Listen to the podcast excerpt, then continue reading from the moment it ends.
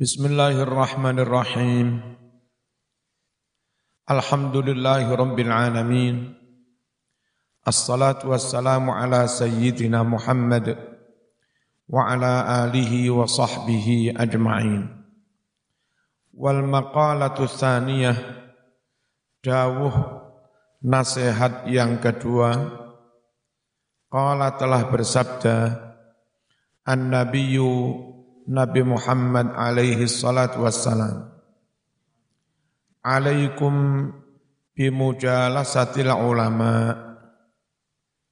Wastima'i kalamil hukama. Alaikum. Tetaplah kamu beristiqomah. Terus-terusan. Bimujalasatil ulama' duduk bersama dengan para ulama, menghadiri majelisnya para ulama, al-amilin, ulama yang memang mengamalkan il, ilmunya. Yang kedua, wastimai kalamil hukama, mendengarkan dawuhnya orang-orang yang ahli hikmah, termasuk orang yang mengerti kalau Anda melakukan ini ke depan akan menjadi barokah diridhoi Allah. Kalau Anda melakukan yang begini ke depan Anda akan celaka, tidak diridhoi Allah. Yang ngerti begitu secara batin itu namanya hukama. Pesannya kanjeng Nabi, tetaplah kalian menghadiri majelisnya para ulama, mendengarkan dawuhnya para ahli hikmah. Ayat maksudnya al-alimina bidzatillah. Ahli hikmah itu orang yang ma'rifat billah sehingga hatinya nyambung terus dengan Allah al-musibina fi akwalihim yang senantiasa tepat jitu dalam semua ucapan mereka. Enggak meleset. Dawuh ayo atenan Jong kuliah neng Malang insya Allah sukses. Sukses temenanan. Itu namanya ahli hikmah ahli ma'ri ahli ma'rifat Orang yang senantiasa musibin tepat jitu fi akwalihim dalam ucapan-ucapan mereka wa af'alihim dan perbuatan-perbuatan mereka. Fa innallaha ta'ala ini keliru nulis ya. Fa innallaha pisah lalu ta'ala. Jadi kalimatnya pisah. Sungguh Allah Subhanahu wa taala yuhyil qalbal mayyita menghidupkan hati yang mati. Hati yang mati itu hati yang keras, tidak menerima nasihat. Itu namanya hati yang mati. Allah akan menghidupkan hati yang mati binuril hikmah dengan cahaya ilmu hikmah. Apa ilmu hikmah itu? Al-ilmi an-nafi'i. Ilmu yang manfaat. Kama yuhyil ardol maitata. Sebagaimana Allah menghidupkan tanah yang kering, berbulan-bulan gak ada hujan, dihidupkan dengan apa? Bima il matar dengan air dengan air hujan. Wa fi riwayat Tabrani an Abi Hanifah disebut dalam riwayat Imam Tabrani dari Imam Abi Hanifah dawuh Rasulullah sallallahu alaihi wasallam Jalisul kubara wasailul ulama wa khalidul hukama. Jalisu duduklah bersama kalian semua ikut majelis al-kubara orang-orang besar orang-orang yang punya pengalaman, punya orang-orang yang punya ilmu tinggi. Itu bisa memberikan nasihat, bisa memberikan masukan. Itu al-kubara. Wasailu al-ulama. Bertanyalah kamu kepada para ulama. Nanya hukum halal haram. Jangan kepada Google. Tanyalah kepada para ulama yang memang ahli mengerti Quran sunnah mengamalkan il, ilmu plus jujur amanah wa khalitu al hukama berbaurlah kamu campur kuyup al-hukama orang-orang yang ahli hik ahli hikmah. Kayak itu tadi. Wa fi riwayatin tersebut dalam suatu riwayat jalis al ulama wa sahib al hukama wa khalid al kubara Jalis, ikutilah majelis, duduklah bersama al ulama, para ulama, wasahib bertemanlah kamu al hukama, orang-orang yang ahli hikmah, ahli ma'rifat billah, wa khalid bercampurlah kamu bergaul berbaur al kubaro orang-orang yang besar yang punya pengalaman banyak. Ay maksudnya fa innal ulama salah satu aksamin ulama itu ada tiga bagian tiga macam. Al ulama bi ahkamillah pertama orang-orang yang punya ilmu tentang hukum-hukum Allah halal haram sah tidak sah makruh. Sak dalil dalile ngerti. Itu namanya ulama bi ahka millah wahum ashabul fatwa. Mereka adalah orang-orang yang berhak memberi memberi fatwa. Ojo sembarangan. Bukan penceramah yang berfatwa itu wal ulama bidatillah faqat. Yang kedua, orang-orang yang mengerti tentang zat Allah, ma'rifat billah, jarang hatinya pedot dengan Allah, sambung terus, sehingga ngucap sak ngucap, itu bersumber dari nurnya Gusti Allah mesti benar. Wahum al-hukama' mereka lah yang namanya orang-orang ahli apa? Ahli hikmah. Fafi mudakhalatihim dalam hal berbaur sowan dengan mereka-mereka tahdzibun akan menghaluskan lil akhlaki akhlak karakter sifat Orang yang dulu sifatnya kurang baik, kadang mau menipu, bohong, mau khianat, dengki, dendam, kasar.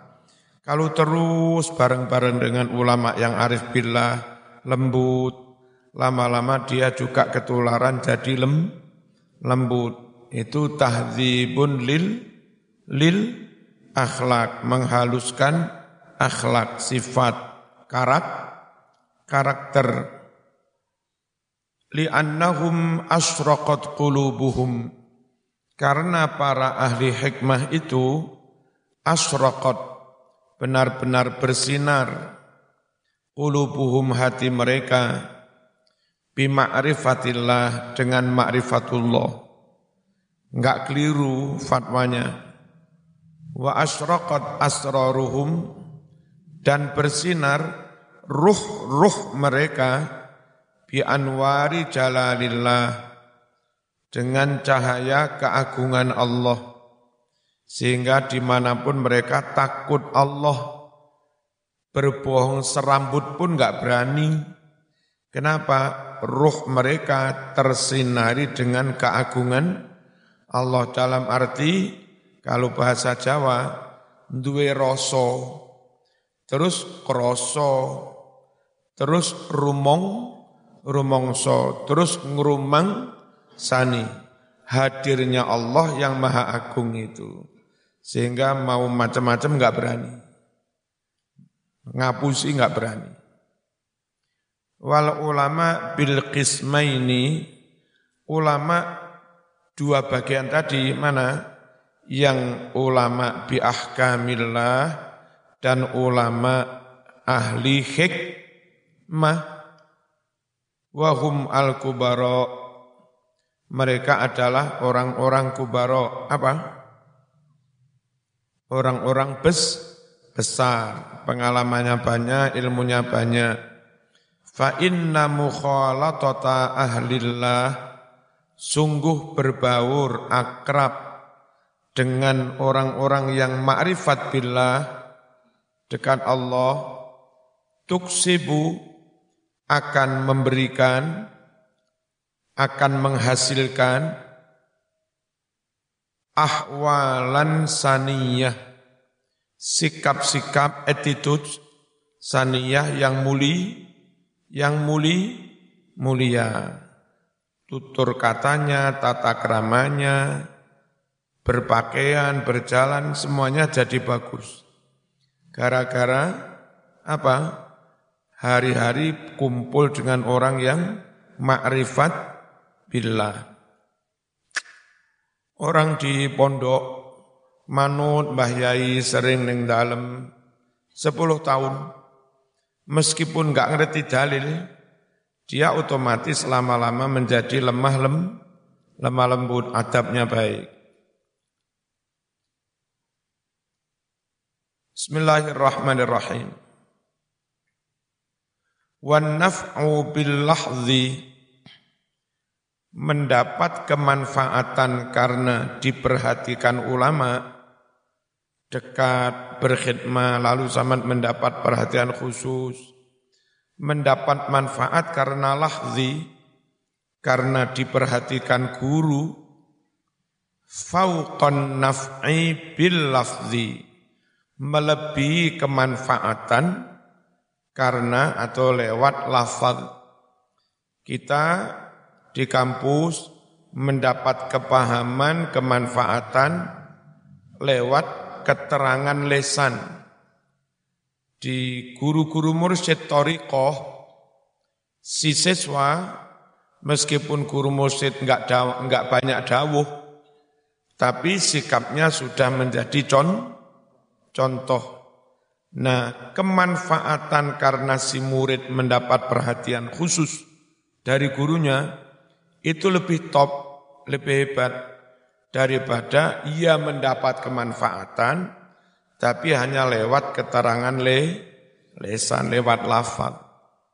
Paham ya? Apa tadi kalimatnya? Wan naf'u bil lahzi fauqan naf'i bil lafzi. Faman nafa'aka lahzuhu nafa'aka lafzuhu. Maka barang siapa ulama' nafa'aka yang bermanfaat padamu, bermanfaat bagimu. Lahzuhu, perhatiannya, sama dilirik saja sudah kepingin berbuat baik. Disawang saja sudah ces nonengati. Kalau ada ulama memperhatikan, melihat saja sudah manfaat, tentu nafa'aka akan bermanfaat pula kepadamu, lafzuhu dawuhnya. Ya,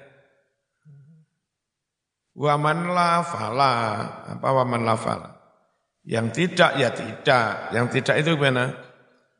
Nyun sewu yang eh, sikapnya, perhatiannya, perilakunya tidak memberi kemanfaatan pada sampean, nanti ucapannya pun juga tidak banyak membekas. Enggak bisa masuk ke dalam ha, hati. Bagaimanapun sangat top apa pun, penceramah-penceramah yang TV-TV apalagi agak apa agak model entertain seperti itu. Ya mungkin ngetop lah, tapi nggak bisa merubah moral, nggak bisa merubah sifat atau karakter. Beda banget orang yang mondok memang. Mondok asal terus istiqomah di situ, tawaduk dengan guru, wis otomatis sudah. Man nafa'aka lafzuhu lahzuhu nafa'aka lafzuhu wa man la.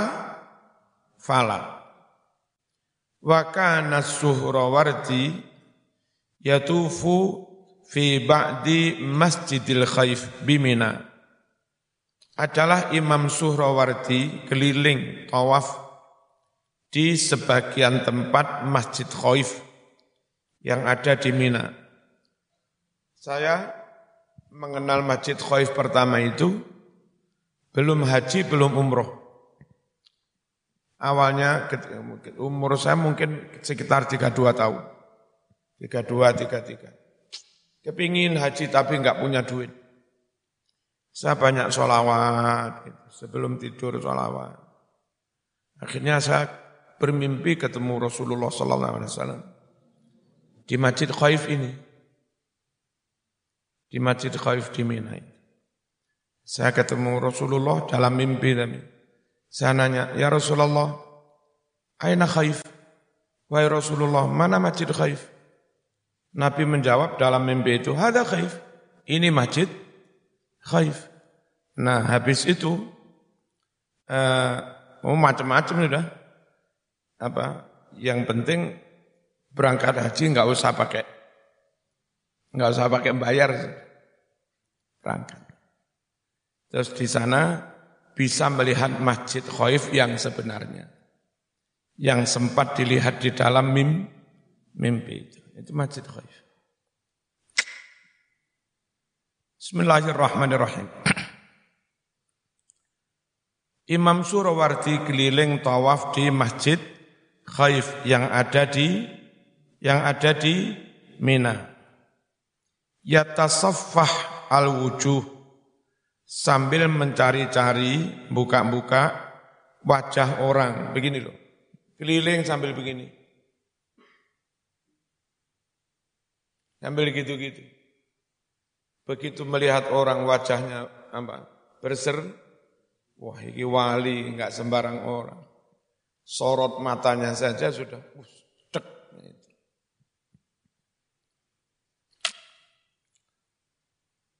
Faqila lahu fi, faqila dikatakan lahu kepada Imam Surawardi, fihi dalam keliling plus tolah-toleh, melihat-lihat mencari-cari wajah tadi.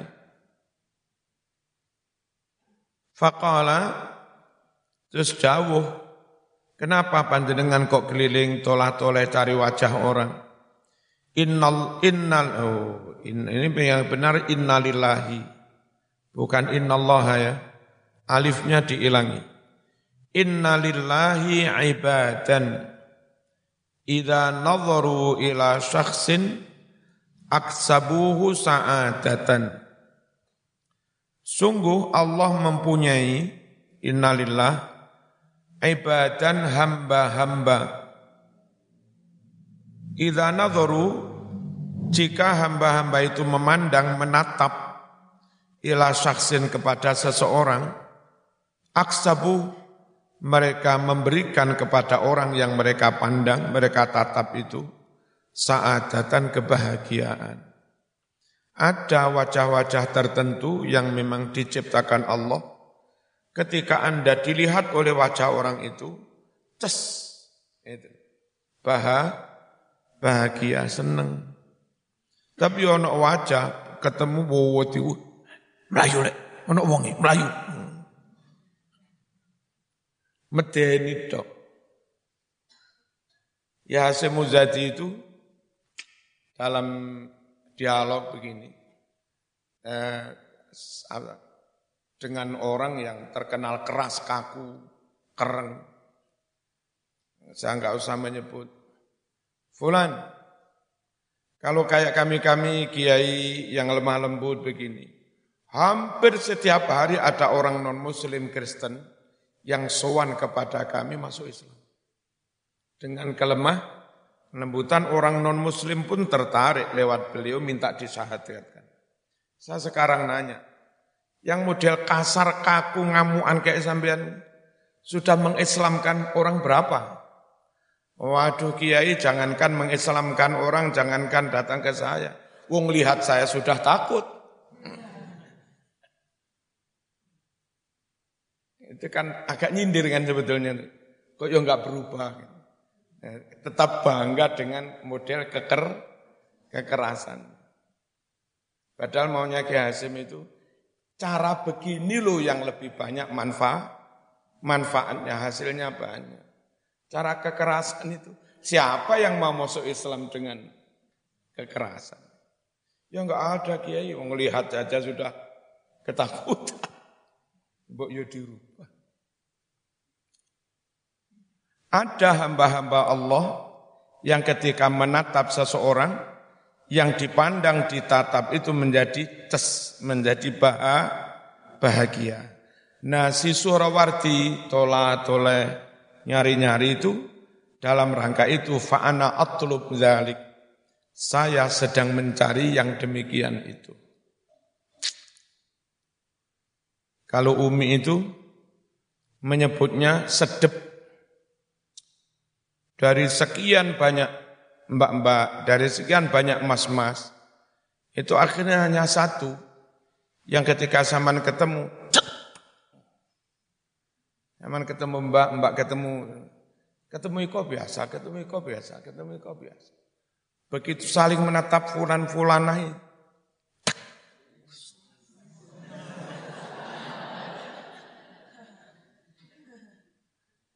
Wis gak wani nyawang mana. Dan itu semuanya Allah yang menen, menentukan. Kalau Allah belum bikin klik, mau mondok 10 tahun, setiap hari ketemu jadi pengurus, ya enggak klik-klik. Qala bersabda Rasulullah sallallahu alaihi wasallam Sayati zamanun ala ummati akan datang suatu zaman pada umatku. Artinya umatku akan mengalami suatu zaman. Gimana zaman itu? Digambarkan begini. Yafirruna minal ulama wal fuqaha. Di zaman itu umatku pada lari dari para ulama dan para fuqaha. Udah enggak mau hidup dituntun, dibimbing dengan para ulama, para kiai. Orang awam nggak ngerti Quran Sunnah, nggak mau dibimbing para kiai, kena aliran ses sesat nggak karu-karuan. Ya, faya betalihim maka akan memberikan cobaan ujian him kepada umat yang menjauhi ulama. Allahu Allah bisalah si baliyatin dengan tiga cobaan dengan tiga musi, musibah. Ulaha yang pertama dari tiga musibah itu, musibah bagi siapa? Bagi umat yang menjauh dari para ulama. Yarfa'ullahul barakata min kasbihim. Allah hapus itu keberkahan dari hasil kerja mereka. Mereka PNS, gajinya tinggi sekarang PNS itu. Dapat gaji tunjangan ini, tunjangan ini, plus ditambah tunjangan sertifikasi. Hasilnya, ya rumahnya tetap begitu, sepeda tetap kredit, tetap utangnya ke, nggak ber, nggak berkah, karena nggak mau dekat para ulama, nggak manut ulama.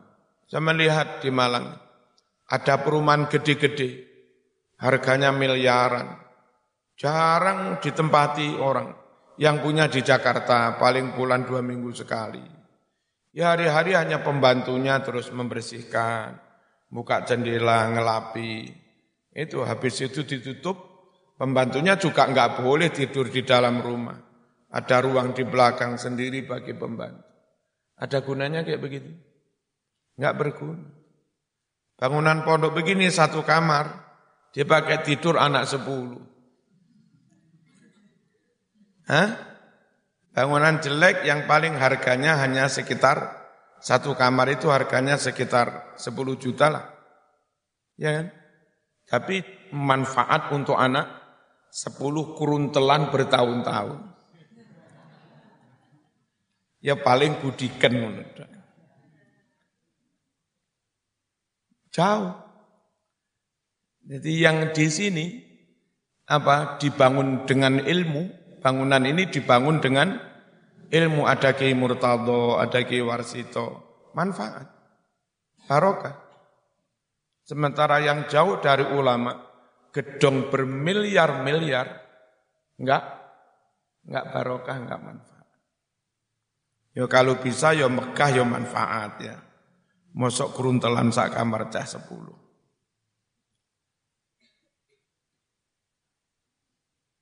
Wasaniyatu yusallitullahu ta'ala alaihim sultanan zalima.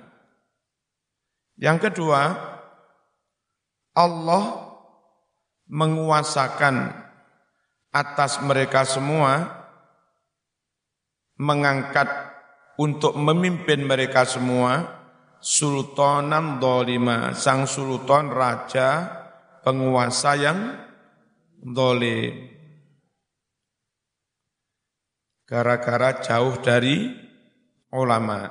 Wasali satu yang ketiga, yang paling bahaya ini, gara-gara jauh dari ulama, yakhrujuna minat dunya bighairi iman.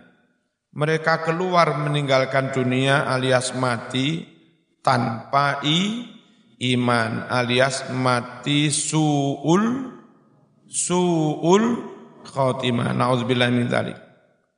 Nih, nasihat Nabi apa? Eh, ikut majelisnya para ulama dekat akrabi orang-orang yang ma'rifat bil bila insya Allah selamat.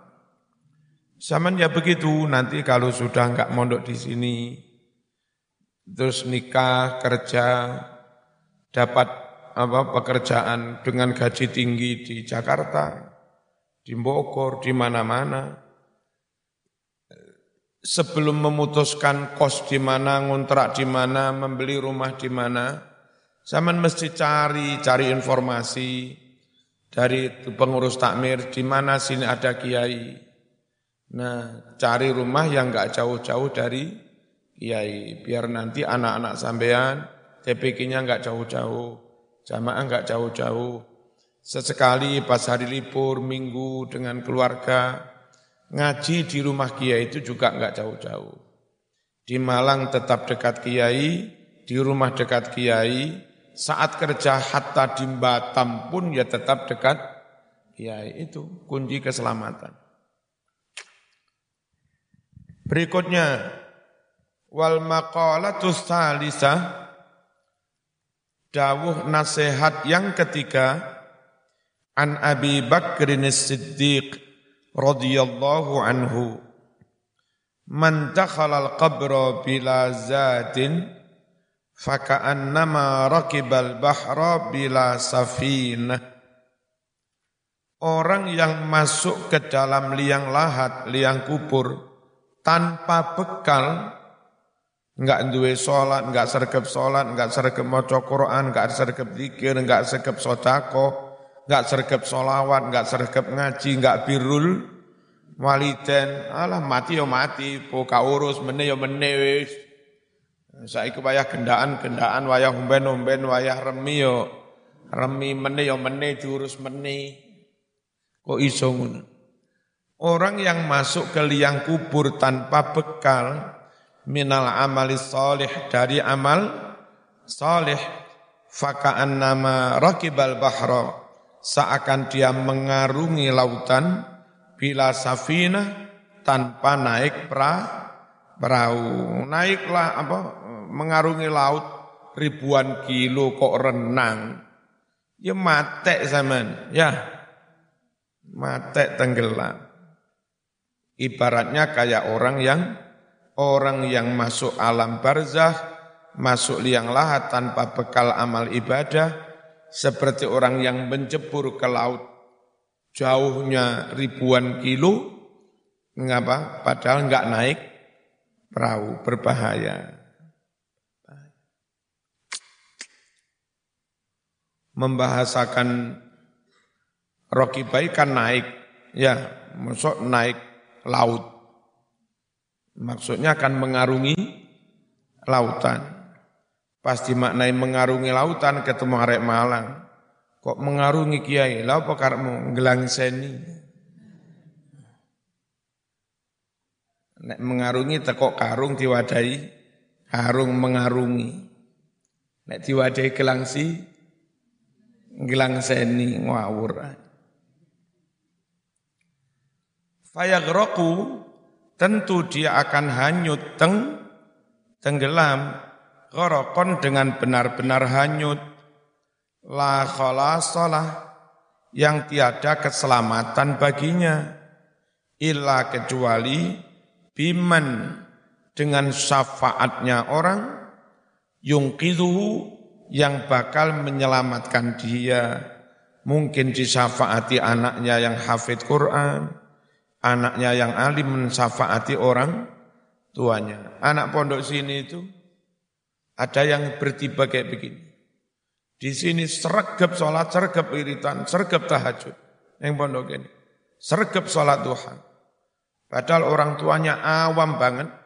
Belum sholat. Bapak ibunya. Memelihara anjing. Ya, anaknya yang mondok di sini ndungone temenan. Tuh menan. Tentu juga ndongo muka-muka bapak e bisa apa beru berubah. Dan berubah. Ibunya juga berubah.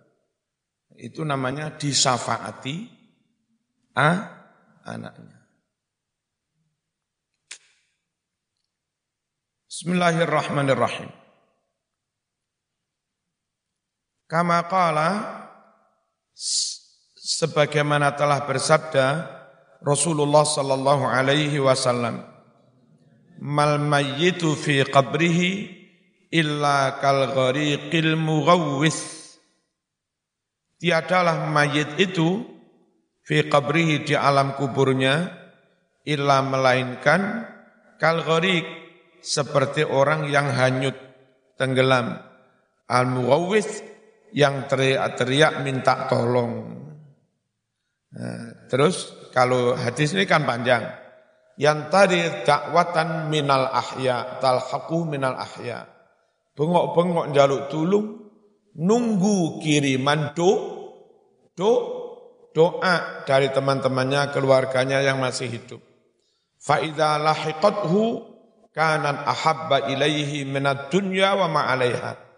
Kalau dia dapat kiriman doa, anaknya kumpul, ya, membacakan fatihah, membacakan Rabbih, Firli membacakan Quran, Yasin, diniatkan untuk orang tuanya sedekah serat apa 10 juta ke masjid ke mati yatim.